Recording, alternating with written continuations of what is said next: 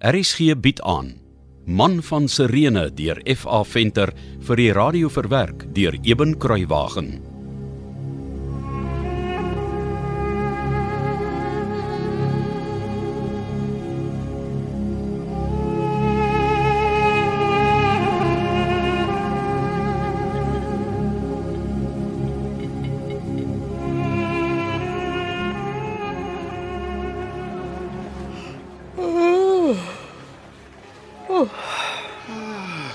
Claudia, my vrou.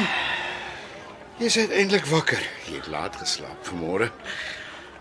Sweer Jerusalem my so grensloos verveel. O, oh, ou bleek dag boonop. Nog 'n bleek dag in bleek Jerusalem. Wat het jy al vanoggend gedoen wat nie so bleek is nie? Ek? Klink soos 'n klomp ontevrede slawe. Glo dit of nie, my vrou? Maar daar's 'n krisis in jou bleek Jerusalem. O, 'n krisis. Vertel my meer, my heer.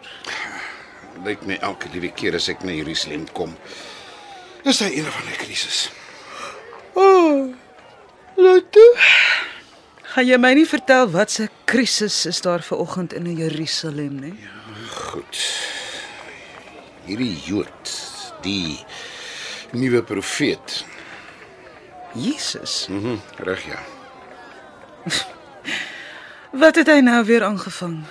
'n Groot gevaar vir die Jode uit die dood opgewek die keer. Nee, hulle het hom verlede nag gevange geneem en vanoggend vroeg na my toe gebring. Hoekom? Eis sy bloed. 'n Man wat preek en wonderwerke doen. Ja. En wie is die hulle wat hom gevangene geneem het? Wie dink jy? Jou spul fariseërs en Joodse leiers. En die gode weet wie nog almal wat hulle self belangrik ag. En die fanatieke ou Kajafas is natuurlik heel aan die voortou. En wat wil hulle van jou hê? Hulle wil opsluit hê ek moet die man veroordeel. Om straf. Nee. Nee, moet hom onder geen omstandighede veroordeel nie. Mhm. Mm Asseblief nie. Nou, eh, moenie vir my sê my pragtige vrou is ook 'n volgeling van hierdie Galileer nie. hm? Ek het gedroom. Van my? Dis ernstig. Die Galileer is onskuldig. Ek weet. Dan kan jy hom mos nie straf nie. Jy jy mag hom nie straf nie. Dit sal heeltemal immoreel wees, hoor jy my? Ja, ek hoor jou. Maar die Jode eis dat hy gestraf word. Jy's die prokurator. Jou woord is tog wet. Ja, my vrou, my woord is wet van Rome. Nie die wet van Israel nie. Maar hoe hoe absurd is dit? Jy ken nie die Jode. Hulle is kapabel en gaan Rome toe om my aan te kla as hulle nie hulle sin kry nie. Ek glo amper nie wat ek hoor nie. Kyk net hoe baie van hulle drom alweer daar saam op die voorplein. Lyk my daar's nou nog meer oproeriges as vanoggend vroeg. Ek wil tog nie die res van my lewe hier in Jerusalem sit nie of nog erger na die een of ander uithoek van die ryk gestuur word nie. Hoekom is jy bang jy sal na die een of ander uithoek van die ryk gestuur word? Want Tiberius is deesdae 'n baie bevoeterde ou man. Hy verdra gemoedelik die enige streek van die ryk nie. En as ek nou hierdie Galileer loslaat, gaan daar moeilikheid in Judea wees. Ek weet dit. Ek het gedroom hy's onskuldig. Dis vir jou 'n vingerwysing. Ek het nie vingerwysings nodig nie. Ek weet voor my siel die man is onskuldig. Hy is nie 'n gewelddenaar of 'n oproermaker nie. Hy begeer geen geweld nie en nog minder beoog hy 'n opstand. Hy's maar net 'n idealis of 'n profeet. Suits, dis al. Ek het al gehoor van die Jode praat van hom as 'n uh, leermeester. sien? Nie eers al die Jode sien hom as iemand wat gestraf moet word nie. Maar as ek hom sou loslaat, steek ek 'n vlam aan wat jou en my kan vernietig. Maar as jy hom sou vrylaat, sal jy vrede hê. O, asseblief. Moet my nie laat lag nie, Claudia. Wil jy die res van jou lewe loop met 'n onskuldige man se lewe op jou gewete of wil jy vrede in jou gemoed hê? Ek is oortuig daarvan Tiberius sal dit kan verstaan. Kom, verstaan. Daardie ou man verstaan niks meer nie. En glo my, as ek Galileer vrylaat, gaan daar geweld wees. So waar as wat daar 'n Jupiter bo ons koppe is.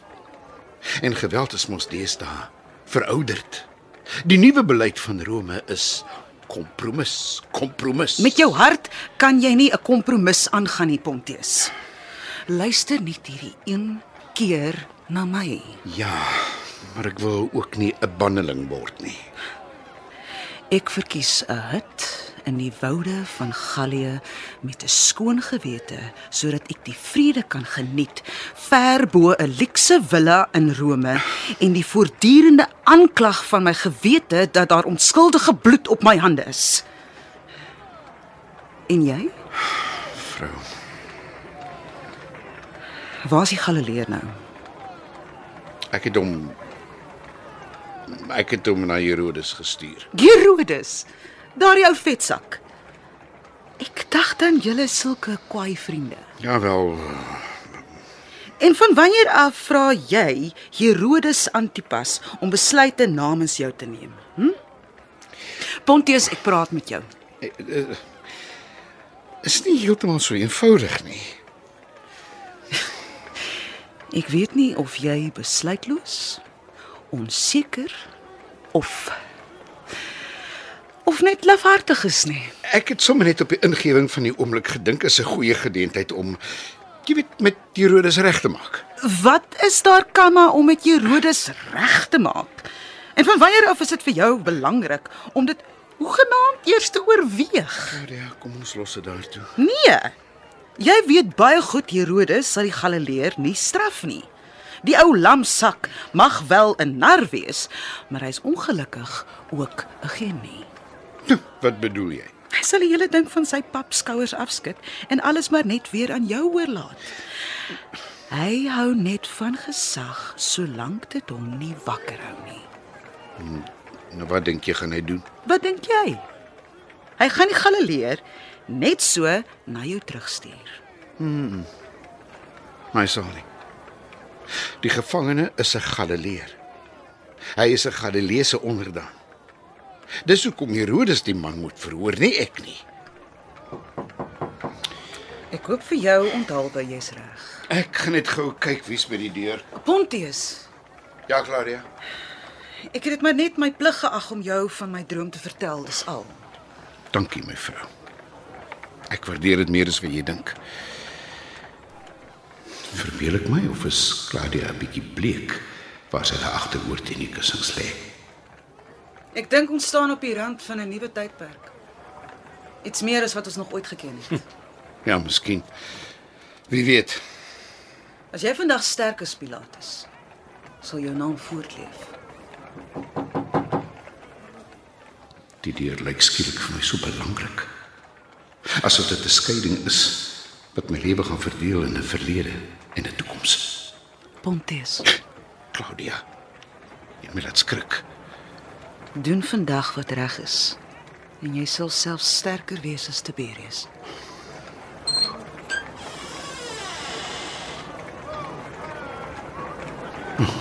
Dankie tog is net die kamer hier.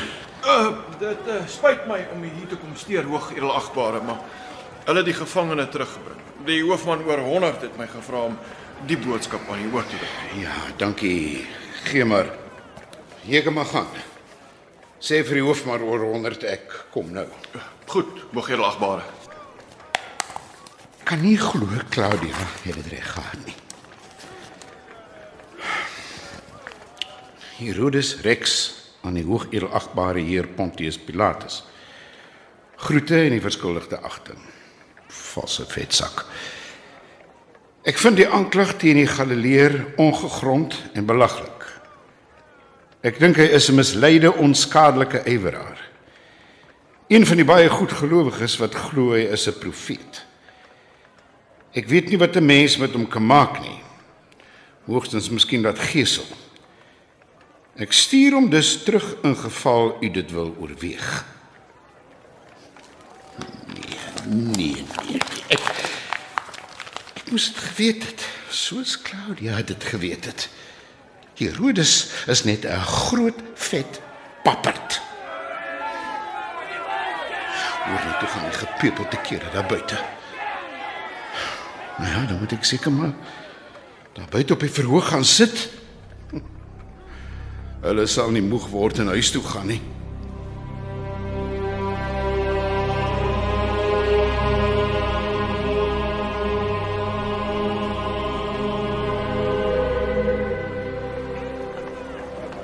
Hoekom is daar weer so baie mense hier op Pilatus se voorplein? Ah, Herodes wou die Nasarener nie veroordeel nie. Stuur hom terug na Pilatus. Maar weet Herodes dan nie die Nasareëner dat die allerhoogste belaster nie? Hoekom straf hulle hom nie? Vra jy?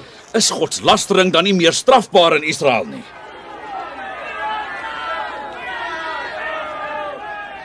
Hoog edelagbare, ons dring aan op 'n spoedige einde aan die uitgerekte op hierdie vertraging in die skuldige bevinding van die gevangene. Wel Herodes Antipas, julle eie koning, vind die man onskuldig. Ek vind ook geen skuld in die man nie. Die enigste kompromie wat ek sal aangaan, is om hom te laat gesel en hom daarna los te laat. Skaam jou vir jou lamsakkigheid, Pilatus. Die man is onskuldig en tog wil jy hom laat gesel. Jy het hom onskuldig bevind. En tog het jy hom na Herodes gestuur. Glo my, ek is woedend oor die houvas wat die Jode op my het. Dat hulle my gedwing het om hierdie miserabele toegewings aan hulle te maak. Uh, Verskoon tog hoog edelagbare, ek kon nie mooi hoor nie, die uh, die skare raas so. Nee, ek uh, het sommer net 'n bietjie hardop gedink. U moet onthou, hoog edelagbare, koning Herodes is net koning oor Galilea. Hierdie man sweep die hele Israel op. Nie net die Galileërs nie, daarom is dit 'n saak vir Rome die, nie vir koning Herodes nie. Die Joodse logika laat my heeltemal magteloos voel. Ek wens ek het 'n gepaste teenargument gehad. Dis die eerste oggend van die Paase. U moet vir ons se gevangene loslaat. Laat die Jood vry wat teen Rome opgestaan het. Ja, nie die Nasareëner nie. Hy kruip voor die keiser. Stilte! Stilte! Luister na my. Ek is net bereid om die Nasareëner vir julle vry te laat. Niemand anders nie. Maak daarna met hom wat julle wil. Nie hy nie. Nie hy nie. Ek sal julle wys. Ek sal julle laat kies tussen die Nasareëner en die gevaarlikste, mees gevreesde skurk in die kerkers van die Antonia. Man van Sirene deur F.A. Venter is vir die eerste keer in 1957 uitgegee en is in 2016 weer uitgegee deur Lux Verbi. Die produksie is tegnies hanteer deur Cassie Lauis en die verhaal word vir RSG verwerk deur Eben Kruiwagen onder spelleiding van Joni Combrink.